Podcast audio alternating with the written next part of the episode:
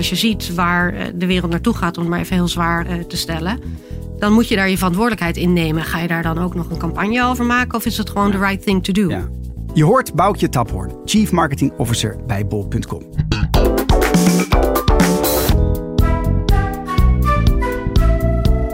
CMO Talk. Marketing bekeken vanaf het hoogste niveau. Welkom bij een nieuwe aflevering van CMO. Ik ben Klaas Wijmer van Energize en elke maand hoor je in deze podcast de nieuwste inzichten van marketeers op het hoogste niveau. Ja, en als we het hebben over het hoogste niveau, vandaag in de studio is het mijn eer om Boukje Taphoorn aan te kondigen, Chief Marketing Officer bij bol.com en Marketeer of the Year. En Boukje uh, bekleedt inmiddels deze rol inmiddels drie jaar. Hiervoor werkte ze onder meer bij Google, Unilever en misschien voor de luisteraars minder bekend dat je ook zeven jaar bij de bureauwereld actief bent geweest. Nou, het komende half uur praten we over de ins en outs van de marketingstrategie van bol.com. En ja, vier jaar geleden, eh, voor de echte trouwe fans, weten dat het niet de eerste keer is dat ik bol.com hier in de studio houd. Want uh, eerder had ik Willem-Jan Lems, inmiddels de, de, de CEO van, van Blendel. Maar ik dacht van ja, het bedrijf groeit zo hard, maakt zo'n transitie door. En laat ik nu uh, de huidige CMO uh, uitnodigen.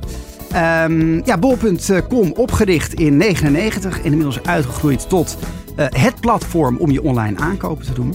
En ja, in deze serie wil ik in ieder geval uh, met jou stilstaan over de transitie die bol.com maakt van een need-based naar een purpose-based organisatie. Nou, waarom die keuze? Uh, hoe geeft bol.com hier concreet invulling aan? Je hoort het allemaal het komende half uur in deze aflevering. Boukje! Ja. Van harte welkom. Dankjewel, leuk om hier te zijn. Geweldig dat je hier bent en dat je de, dat je de keuze hebt gemaakt om nou, jouw kennis en inzichten met onze luisteraars te delen. En allereerst, hoe voelt het om Marketeer of the Year te zijn? Ja, het voelt toch gewoon stiekem wel heel leuk. Ja? Ja, ja absoluut. Het voelde sowieso een beetje alsof ik jarig was. Felicitaties kwamen echt uit, uit de meest onverwachte hoek. Het leek alsof, de, nou, alsof iedereen het wist. Ik stond gisteren nog uh, te tennissen en toen riep de, de baanbeheerder: Hé, hey, daar hebben we de Marketeer of the Year. dus, uh, is dat niet daar. een beetje awkward? Dat is uh, zeer awkward, ja. ja. maar ook wel grappig. Ja. En nou, het is, kijk, het is natuurlijk vooral een hele mooie waardering voor het werk wat alle teams bij bol.com hebben gedaan in zo'n ontzettend ja, rare en toch ook best wel nare periode. Ja. Dus dat het met zo'n bekroning wordt, uh, wordt afgesloten. En uh, dat was ook, we hebben het echt intern ook wel natuurlijk via het scherm, maar echt wel eventjes ja. met elkaar uh, gevierd. Wat is het effect van een podcast op je merk? Jeroen de Bakker was mijn gast in CMO Talk 40 en werkt bij audio agency Airborne. Hij deed uitgebreid onderzoek naar de podcast Topstukken van de Bank Giro Loterij.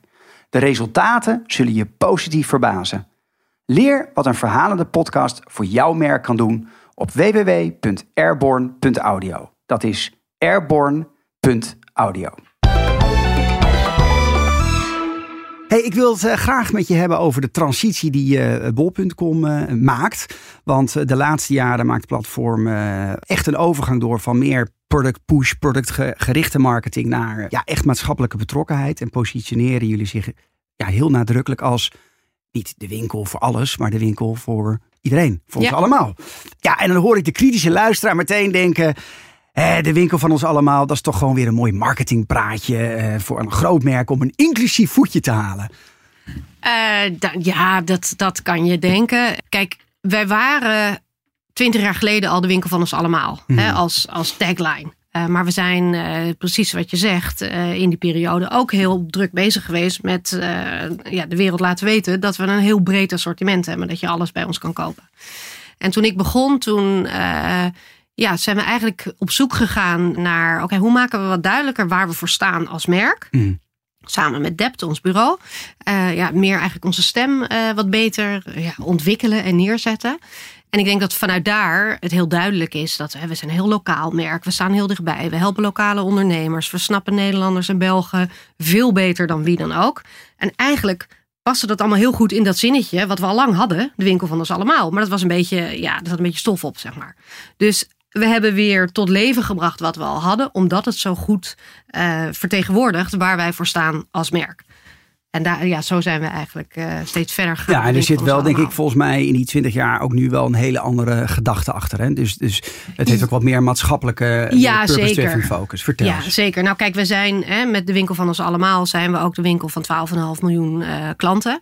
Dus dat betekent dat je midden in de maatschappij staat. En als je midden in de maatschappij staat en de maatschappij negeert, ja, dat is gewoon niet heel verstandig. Mm. Dus eigenlijk ja, die, de, de noodzaak of de, de ambitie om uh, purpose-driven te zijn, is eigenlijk heel natuurlijk.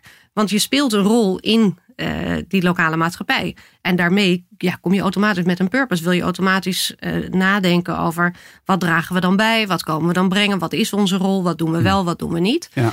En daarin zijn we eigenlijk, denk ik, steeds, ja, steeds verder gegaan in het uh, scherper neerzetten van waar staan wij nou eigenlijk voor? Want als je als je een, een merk bent met een persoonlijkheid, maar je hebt nergens een mening over, ja, dan heb je niet echt een persoonlijkheid. Als je op een verjaardag komt en je praat met iemand die nergens een mening over, dan is het niet een heel leuk persoon.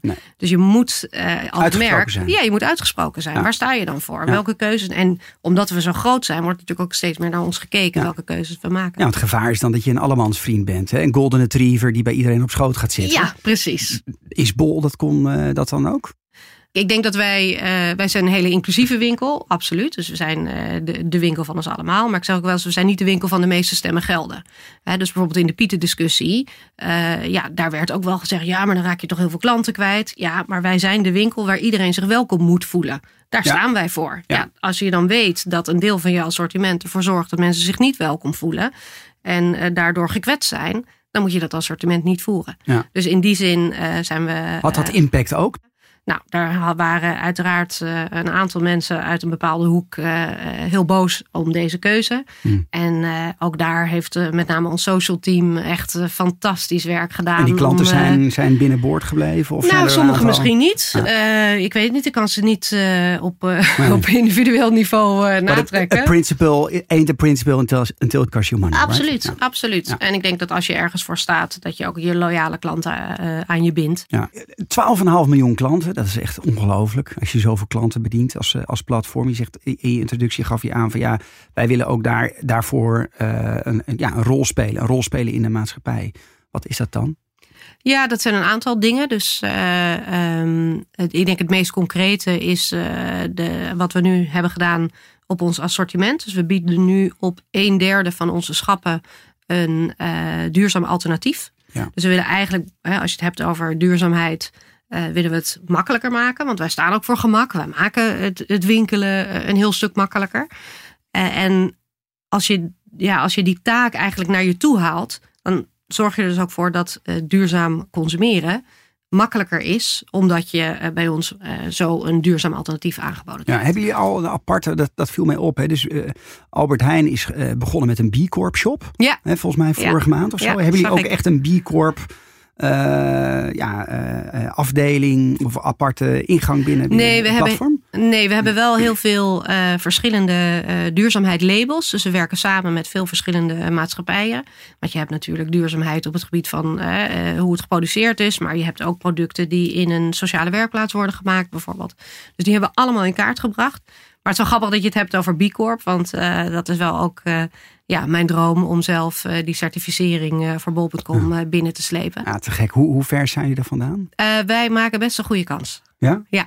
Als, je, als ik jou over twee jaar zou interviewen? Dan hoop is... ik dat we dat kunnen ja? vieren. Um, ja, ik kan me voorstellen zo'n transitie van toch echt, echt omzetcenterd, winstcenterd, wellicht ook wel, nou het was echt groeicenterd naar ja, meer purpose-centered, dat dat echt wel een ingrijpende overgang is geweest. Um, ja, waar begin je in zo'n overgang? Ja, dat vind ik een hele goede vraag. En ik denk dat het toch ook doordat we bezig waren met waar staan we voor, dat het een hele natuurlijke overgang is geweest. We hebben niet van de een op de andere dag gezegd: hey, we waren altijd van zoveel mogelijk uh, assortiment voor iedereen. Want dat was ook vaak ons antwoord. Ja. Maar doordat we zo bezig waren met uh, een duidelijker uh, merkpositionering bouwen. Ja, dan gaat het automatisch dat je dus keuzes gaat maken. Dan is het automatisch dat je op een gegeven moment zegt: ja, maar wacht even, deze lachgaspatronen die passen niet in onze winkel. Want we zijn de winkel van ons allemaal en dat is niet de winkel van uh, ja, lachgaspatronen die worden gebruikt voor Door meer jongeren. Ja, ja. precies. Eh, dus ik denk dat er niet echt een moment aan te wijzen is waarin we zeiden: hey, we hebben in de krant gelezen Hmm. dat Purpose het best goed doet eh, bij onze doelgroep. Laten we er ook wat mee doen. Purpose is geen trucje. Nee, Purpose is geen trucje. Als je, als je zoveel klanten hebt en, en, en zo'n grote rol speelt, dan uh, ja, als dat een trucje zou zijn, dan wordt er meteen doorheen gekeken. Mooi. Um, ik had een aantal afleveringen geleden had ik de CMO van ANWB in, uh, in de show. En die gaf aan dat maatschappelijke betrokkenheid echt uh, in de hele organisatie doordrongen moet zijn. En het belang uh, ervan overal moet leven. Wil het echt gaan vliegen? Is dat bij bol.com ook? ja, zeker, zeker. Ik denk dat het misschien de pool nog wel het sterkste is, juist vanuit de medewerkers. Hmm vanuit de bol.commers. Die waren natuurlijk best een, een jonge uh, workforce. Die uh, ja, het heel belangrijk vinden dat ze trots kunnen vertellen over bol.com. Uh, op, nou ja, feesten en partijen zijn er niet meer. Maar toen er nog feesten en partijen waren. En we hebben een interne ja, soort van workplace, intranet site. Ja, we wijzen daar elkaar op dingen die niet kloppen. Ja. En daar zie je ook dat we onder andere bijvoorbeeld weer in die Pieten-discussie... dat mensen heel blij waren dat we die keuze maakten. Er kwam heel veel positieve feedback, juist van de bol.com. Mooi.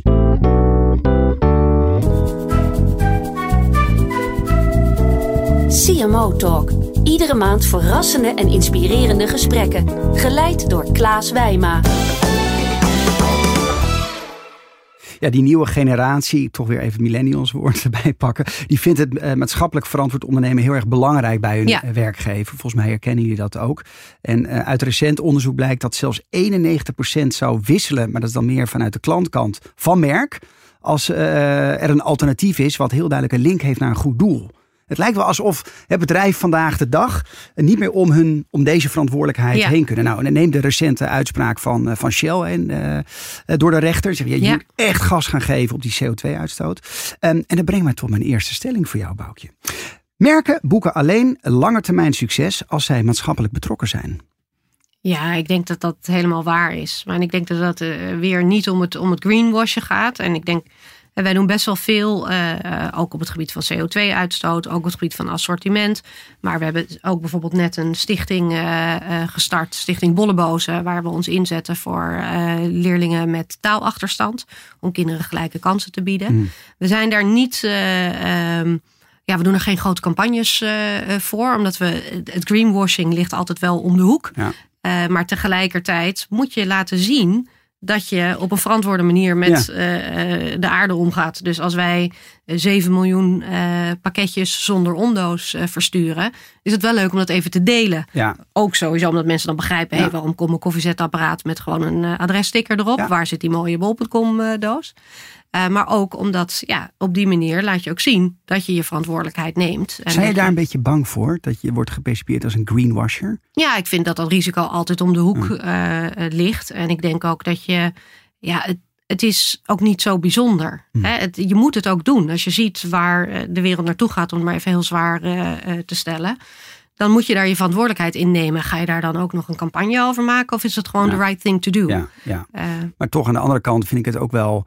Je hebt natuurlijk heel keuze uit heel veel verschillende platformen... waar je ja. kunt kopen tegenwoordig. En nou ja, ik ben dan uh, ook select klant. Dus het is heel makkelijk voor mij om voor bol.com te zitten. Het zit echt in mijn systeem. Maar aan de andere kant, ik, ik zou het wel gewoon als klant Ja. meer willen, willen horen van uh, bol.com. Ja, wat houdt, wat jullie tegen dan? Om dat niet Nou, ik denk in, in eerste instantie wat ons een beetje tegenhield... was dat we dachten, ja, maar we zijn er nog niet. Hmm. Dus we kunnen wel zeggen dat we het eh, op dit onderwerp heel goed doen. Maar op dat onderwerp eh, moeten we nog eh, wat stappen zetten. Dus zullen we niet even wachten tot we alles eh, Ja, hebben welk gedaan? onderwerp is dat dan? Nou, ik denk dat naar jezelf kijkt. Bijvoorbeeld op de, op de distributiecentra en de logistieke keten doen we het heel goed. Dus de, toen we een, een nieuw distributiecentrum hadden geopend en onze CEO trots aan het vertellen was wat er allemaal aan pakketjes doorheen ging.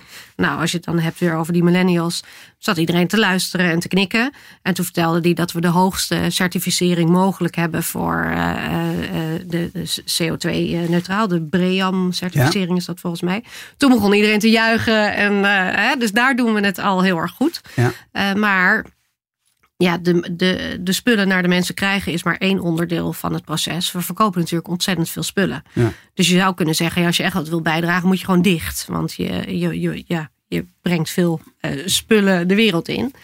Dus dan kun je ook nadenken over ja, welke rol kunnen we daar nog pakken. Hè? Als je het dan hebt over eh, recycling, doen we al best wel veel. hergebruik hebben we natuurlijk de tweedehands op ons platform. Ehm, maar zijn er nog andere dingen die we kunnen doen om ervoor te zorgen dat mensen die spullen langer gebruiken? Dus verkocht worden ze toch wel. Maar kunnen wij dan, welke stappen willen wij nog zetten om ja, gewoon meer gebruik uit die spullen te halen? Ja. Ik heb het boek van uh, Geheim van Bol.com gelezen. Fantastisch boek. Dus echt kan het iedereen aanraden. Dat is echt een beetje jongensdroom als je het zo leest. En ik kan me herinneren dat Daniel Ropers, die maakte toen zo'n trip naar Silicon Valley. En die bezocht een aantal techbedrijven. Die kwam toen terug uit het vliegtuig. En die had het visie gezien, we worden een platform. dus we gaan het, platform openstellen voor externe partijen om ook hun eh, producten aan, aan te bieden. En nou, jullie hebben wel iets bijzonders gedaan volgens mij in de coronatijd. Uh, en dat was ook natuurlijk heel veel kritiek. Van, ja, nee, bol.com groeit met de klippen op. Terwijl die winkeliers dicht zijn het heel moeilijk hebben. Kooplokaal. En daar hebben jullie een antwoord op gegeven. Misschien dat je dat nog even kan schetsen wat jullie daar. Ja, bedoel je dan dat we de. Nou ja, we de winkel in de buurt, toch? Ja, ja, oké. Ja, we hebben een aantal dingen gedaan. Dus we hebben inderdaad de winkel in de buurt uh, gelanceerd. Uh, winkel in de buurt, dan kon je, uh, kan nog steeds bij ons op de, op de site opzoeken welke winkel bij jou in de buurt, die op, de, oh, sorry, die op dat moment gesloten was, eh, via ons verkoopt. Dus dan kon je nog steeds bij je lokale winkel kopen. Want er zijn natuurlijk allemaal partners bij ons op het platform. Ja. Uh, we hebben ook heel veel uh, ondernemers getraind in uh, digitale skills. Zowel in Nederland als in België. Omdat het gewoon heel belangrijk is dat die ondernemers ja, begrijpen hoe je je klant ook online kunt bedienen. Ja. En we hebben ook bijgedragen aan dat uh, fonds waar we het uh, vooraf eventjes over hadden van de boeken. Om, ja, wij, wij, ondersteunen ook de lokale boekhandel. Het is voor ons heel belangrijk dat er een leuke winkelstraat blijft bestaan. Ja, volgens mij herken je het wel hè? in de daily mensen. Hè? Dat, je, dat je toch wel af en toe een beetje in de defense wordt gedrukt. Van ja, nee, maar wij groeien heel hard en wij zijn natuurlijk altijd open. En die andere bedrijven hebben het moeilijk. Um, heb jij dat ook? Gaat er bij jou dan ook een, een soort van knop aan dat je, dat je wil verdedigen dat jullie dit soort initiatieven doen? Nou, niet verdedigen, maar ik denk dat het belangrijk is dat. Uh, we hebben momenteel 45.000 verkopers op ons platform. Dus het is voor ons heel belangrijk dat die uh, ja, economisch gezond zijn. En ons platform helpt daarbij, want het biedt ze een online kanaal. Hmm. Uh, en dus in die zin, ja, verdedigen. Ik denk dat mensen gewoon vaak niet helemaal weten hoe bol.com werkt. Dan denken ze, ja, maar het is toch een winkel. En online drukt toch offline weg.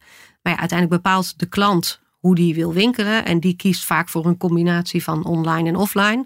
En wij kunnen een mooi online uh, platform bieden voor al die winkeliers die uh, al offline zijn. Ik, ik, um, in jouw werk als marketingleider ben je heel erg bezig met het, ja, het verbeteren van de klantervaring. Ja, en dit brengt mij bij uh, tweede stelling. Een slechte klantervaring staat gelijk aan tien positieve ervaringen. Ja, jeetje. Um, nou, ik zie hem iets anders. Ik, voor mij is het meer, mijn stelling zou meer zijn: een negatieve ervaring staat nooit op zichzelf. Dus uh, je kan nooit een kleine negatieve ervaring uh, definiëren of goedkeuren in die zin. Je, kan niet, je moet relentless zijn op er mag geen slechte ervaring zijn. Ja. Want één slechte ervaring kan net weer uh, bovenop twee eerdere slechte ervaringen komen. En dan is het niet meer zo klein als je denkt. Dus ik denk dat je heel erg gepassioneerd moet zijn om de ervaring overal zo goed mogelijk te maken. Omdat ze bij elkaar optellen. En de vierde keer een klant zegt: Ja, maar wacht eventjes, het pakketje kwam niet op tijd en niemand nam op toen ik belde. En nu is hij aangekomen en er zit er een scheur in. Ja, dat zijn misschien drie niet hele grote events, maar bij elkaar denkt een klant dan: Ja, maar dan kies ik niet meer voor deze winkel. Ja, omdat je zo bezig bent met die optimale klantenervaring. Heb je, ik heb wel sommige CMO's in de studio gehad die zeggen: nee, ik wil er bovenop zitten. Ik wil het echt. Dan denk je, ja, ik ben CMO. Je zit zelf in de board hè, van uh, Bol.com. Ja. Um, krijg jij dagelijks of wekelijks krijg jij uh, ja, die negatieve ervaringen ook op je bureau? Of, of hoe ga je daar zelf mee om? Nou, ik, kijk, je hoort mensen vaak zeggen, ja, N is één. En dat vind ik eigenlijk een beetje een stomme opmerking, want dat, je bent toch ook een klant? Ja. Dus als ik een, uh, een, een, een, ervaring heb die beter kan, of uh, iemand in mijn familie zegt, nou, uh, dit kwam aan en het was niet helemaal goed, ga ik altijd mee aan de slag. Hmm. En ik ben op zich als persoon niet enorm geïnteresseerd in de details. Hmm. Maar ja, dit vind ik wel, dat is gewoon heel belangrijk. Ja. En daar, dat is een moment om te verbeteren. En dat staat heel hoog in het vaandel bij bol.com, want de, uh, de opmerking dit kan beter. Dat is zelfs een speciale interne eh, eh, ja, website op dat workplace wat wij dan hebben. Ja. Waar iedereen zijn ervaringen kan delen en kan zeggen: hey, dit, ik zie dit hier op de site, dit, linkje werkt niet. Of eh, ik heb die ervaring, dat vond ik Ja. kan beter. Dus dat is niet de verantwoordelijkheid van de CMO, maar dat is eigenlijk een verantwoordelijkheid van de hele Ja, organisatie. iedereen wil het, wil het graag Ja. beter doen. En ook als CMO mag ik zeggen: hey, dit, is, dit is niet goed, dit, moet, dit moet beter. Ik heb bij Google ooit geleerd: eat your own dog food. Hè? Dus je moet je eigen spullen testen. Ja, daar geloof ik ook heel, eh, heel erg in. Je moet heel dicht bij die klantervaring staan. En zelf ben je er ook eentje. Waar, waar komt eigenlijk jouw fascinatie voor het continu optimaliseren van die klantervaring vandaan? Ja, ik, ik hou er gewoon van als dingen werken. Ah. Ik vind het, ik, het kan me enorm storen als iets kleins in een ervaring, of dat nou is als je uit eten gaat, of eh, als je door de winkelstraat loopt, of je bent online. Vind ik heel vervelend als iets net niet werkt. Vind ik gewoon zonde. Ja. En ik vind het heel leuk als het wel werkt. Ja. Als er iets heel Klopt. moois in zit. Ja. Als je bijvoorbeeld kijkt naar, eh, eh, nou, naar, naar Google Maps, hoe die bedacht hebben dat in eh, plekken waar de auto niet doorheen gaat, dat de bevolking zelf gewoon de straatnamen in kan vullen. Ja, dat soort slimme Briljant, dingen. toch? Ja. dat is echt briljant. Daar hou ik echt van. Ja. Dus Ja, ik, had, ik had van de week voor de internationale show, waar we het al even in, voor het interview over hadden, had ik de CCO van eh, Domino's Pizza, wat ik ook briljant inzicht vond. Die zegt, ja, eh, dan wil je pizza bestellen. Je zit in het Vondelpark, maar je hebt niet het adres. Ja, het is het Vondelpark. Dus dat is dus op basis van je GPS-coördinaten. ja, super. Ja, dat, dat Ja. soort dingen. Dat is toch briljant. Ja, dat vind ik ook. Nou, daar toch? komt het vandaan. Ik kan daar echt van genieten Heerlijk. als iemand iets slims bedenkt. Volgens mij hebben jullie een heel leuk gesprek als jullie een keer met elkaar gaan kletsen. Ik wil jou graag een estafettevraag voorleggen. Want wij hadden eerder in de studio vorige maand Marjolein Meijnen, CMO van de Bijkorf. Wellicht dat jullie elkaar ook kennen. Ja. En zij heeft een, eh, een mooie vraag eh, voor jou. Net als de Bijkorf is zij natuurlijk een online warenhuis.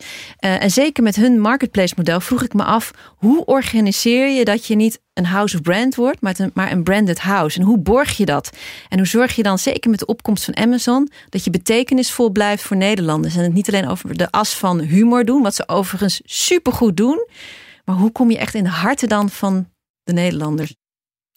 Ja, ik denk dat, eh, dat we dat doen door, eh, door gewoon die hele, erf, die hele klantervaring te bewaken. En het is niet voor niets dat eh, in mijn afdelingen zit ook alles wat met de klant te maken heeft. Dus ik zeg eh, eh, vaak voor de grap, ik ben niet alleen van de plaatjes. Mhm. Maar dat is uiteindelijk wel waar Marjolein aan refereert. Hè? Want natuurlijk, er is humor en er is hele goede communicatie.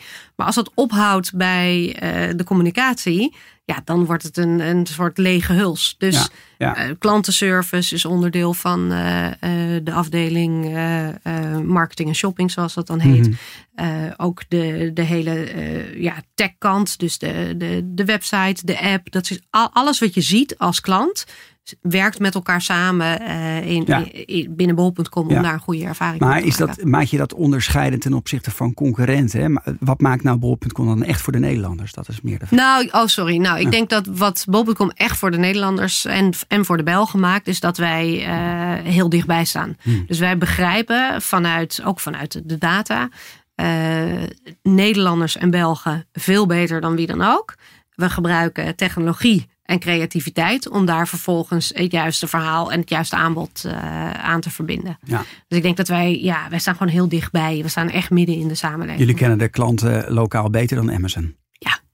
Zeker. Hey, en ehm, ik vroeg me af, hè, want eh, ja, jullie zetten natuurlijk ook advertising in. Eh, Marjolein refereerde het al aan, humor. Ja. Maar hoe zet je ook online kanalen in om merk voor te creëren en ervoor te zorgen dat ze voor eh bol.com kiezen? Ja, hoe, hoe, eh, sorry, wat bedoel je met hoe zet je in? Je hebt dus die 12,5 miljoen, maar dat is dus nog niet die 17 of 18 miljoen. Dus hoe ga je die andere 4, 5, die ook online actief zijn? Want er zijn volgens mij de internetpenetratiegraad en hè, de, de shoppingparticipatiegraad is juist ook door corona gestegen. Eh, Nou, ik denk is dat je nog bijna meer wel- Google, nog meer Facebook? Is dat nog meer Insta? Of, of... Nou, ik denk dat je bijna wel kan zeggen dat eh, iedereen die online kan kopen, eh, praktisch klant eh, bij ons is. Dus ik denk dat het bij ons belangrijker is om die klanten loyaler te maken. Hmm. Hè? Dat ze niet een keertje langskomen, maar we hebben natuurlijk ook een heel groot deel. Hè? Je bent zelf select lid, dat zijn hele loyale klanten. Ja. Eh, dus daar eh, zijn we ook go- goed mee bezig om de klanten nog loyaler eh, Ja. aan ons te maken. En dat doen we via Google, via advertising. Ja, de, de welbekende funnel hè, van awareness aan de bovenkant. Wat je wat meer doet op televisie, online video. En dan alle consideration kanalen, dus Ja. de display, et cetera.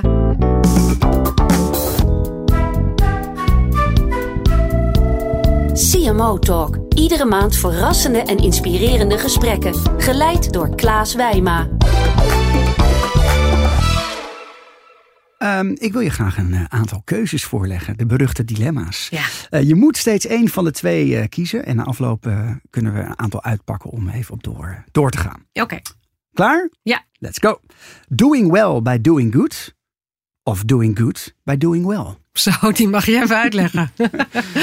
Het is eentje uit de Unilever-stal. Oh, nou, daar heb Dus ik ook nog van, gewerkt. daar heb je ook ik, nog gewerkt. Dus ik heb het boek, heel hard nadenken. ik heb het, het boek gelezen van Jeroen Smit, eh, Het Grote Ja, Gevecht. ja. En ehm, nou Unilever staat natuurlijk bekend om het feit dat zij enorme stappen maken als corporate naar een, eh, ja, een meer maatschappelijk Ja, en absoluut. duurzamere wereld. En helemaal oorspronkelijk, hè, dus dat was, was, was volgens mij William Lever, eh, de, Ja. de Brit. Eh, die gaf toen aan bij de productie van zijn zeep. Zegt van ja, weet je, ik vind het gewoon belangrijk dat die hygiënestandaard omhoog gaat.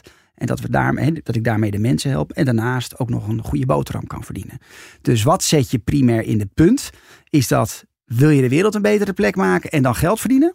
Dus doing well by doing Ja. good. Of andersom. Geld verdienen en ja, het is nog wel handig om eh, de wereld een beetje een betere plek te maken. Ja, ik denk dat dat tweede een meer sustainable eh, eh, antwoord is. Model is. Oké. Ja. Doing good by doing well. Ja. Oké.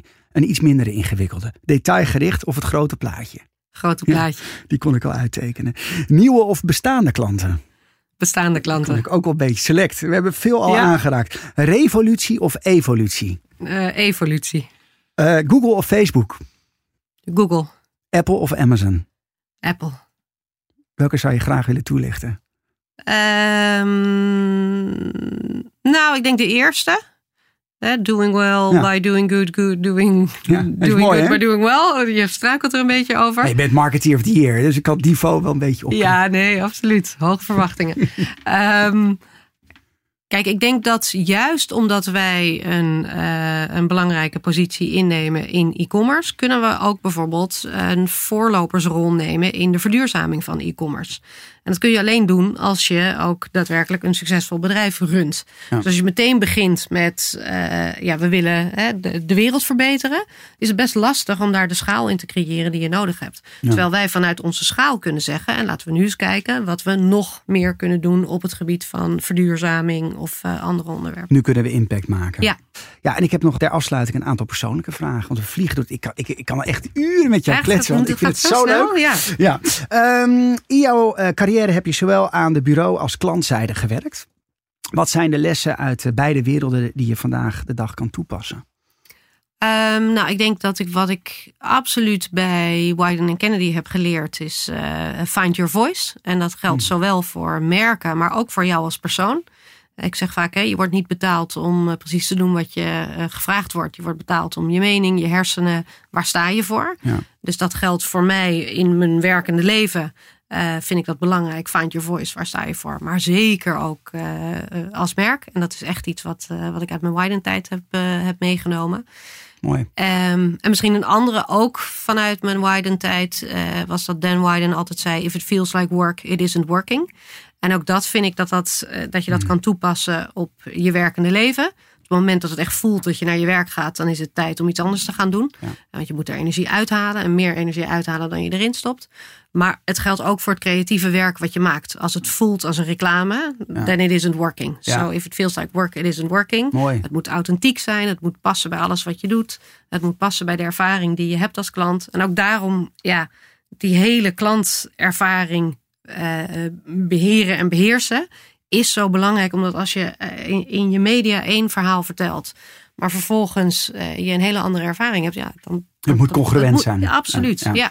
We hebben het gehad over de purpose van bol.com. Maar wat is jouw persoonlijke purpose? Jeetje, je hebt allemaal hele moeilijke vragen. Nou, kijk, ehm, en ik had het eigenlijk ook voor je meegenomen, maar ik ben het vergeten, dus die ga ik je nog opsturen. Ik heb een, eh, eh, ik geloof heel erg in de theorie van het, eh, het boek van Ikigai. Ken je dat? Zeker. Nou, Ja, kijk. En wat ik zo mooi vind aan Ikigai, dus die zegt eigenlijk je purpose is een, combinatie van waar je goed in bent, waar je van houdt, waar de wereld op zit te wachten en waar je voor betaald kan worden. En juist de toevoeging van het laatste element vind ik echt briljant. Want dat Ja. zorgt er dus voor dat je, als je nadenkt over je eigen purpose, hem ook definieert in je werkende wereld. En daar besteed je zoveel uur per week aan. Dus ik kan wel een purpose hebben dat ik heel graag uh, weet bomen, wil planten. bomen wil planten of, of bejaarden wil helpen. Maar op, dat moment, op dit moment Ja, werk ik daar niet in. moet Dus, ook betaald worden, ja, ja. precies. Dus als ik op die manier naar mijn purpose kijk, dan denk ik dat het bij elkaar brengen van enthousiaste en gepassioneerde mensen om hele mooie en, en ja, loved brand experiences neer te zetten. Dat dat nu mijn, uh, mijn purpose is. Als je je purpose definieert uh, als wat geeft je energie? Ja. En wat, waar, Ja. waar word je blij van? Ik zie je- het ook bij. Ja, Dus dat- hij klopt. Hij is congruent. ja, precies. hij is congruent. Ehm, welk advies zou je luisteraars willen meegeven? Ehm, ik denk dat het als marketeer steeds belangrijker is dat je niet alleen van de plaatjes bent. Dus dat betekent A, dat je, ehm, en het hoeft niet allemaal onder je, onder je afdelingen te vallen, maar dat je je ontzettend bezighoudt met die klantenervaring in, in elke, ja, elke stap, elk onderdeel, dat het past bij je merk. En dat betekent ook dat je je moet verdiepen in de data, in de financiële kant, in de techkant, zodat je echt kan meepraten en ook Doe me denken voor de luisteraar die zegt, hey, daar wil ik meer over weten. Dorcas Koenen, ook eh, te gast geweest in CMO Talk, is, eh, zit compleet in jouw kamp. Oké, dus je zegt, we zouden eigenlijk marketing zou ik wel wat meer eh, van een CMO kunnen leren. Om te kijken van nou, wat is nou echt de financiële impact van wat je doet. Ja, nou, wij, mijn afdeling is heel veel bezig met de financiële impact van, van wat wij doen. Ja, mooi. Ehm, ook jij eh, mag een vraag stellen aan mijn volgende gast. eh, Lucien Brouwer, CMO bij RTL. Wat zou je willen vragen? Ja, nou, we hebben het eh, in deze podcast en ook in het algemeen heel veel over personalisatie. Dus ik ben heel benieuwd hoe hij aankijkt tegen de toekomst van televisie in het kader van personalisatie. Ik heb al een keer op Netflix mijn, mijn eigen einde mogen kiezen.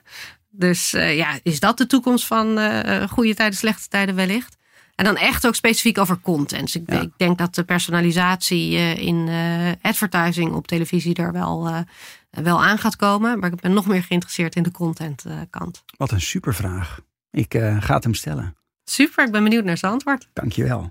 Dank voor het luisteren naar CMO Talk met Boukje Taphoorn van bol.com. Nou, wil je nou meer weten over eh, ja, grote organisatieveranderingen? Dan kan je luisteren naar aflevering 41 met Erik-Jan Gelink. Hij was eh, toenmalig eh, CCO bij Transavia. Over transitie naar meer een agile marketing organisatie. En nou, vind je nou dit nou weer een leuk interview? Wil je dan alsjeblieft een review achterlaten? Dat helpt echt waar. Helpt enorm andere luisteraars om eh, deze podcast te vinden. Ehm, hoop dat je volgende maand weer luistert. Eh, dan dus een gesprek met Lucien Brouwer, CMO van RTL. Blijf luisteren.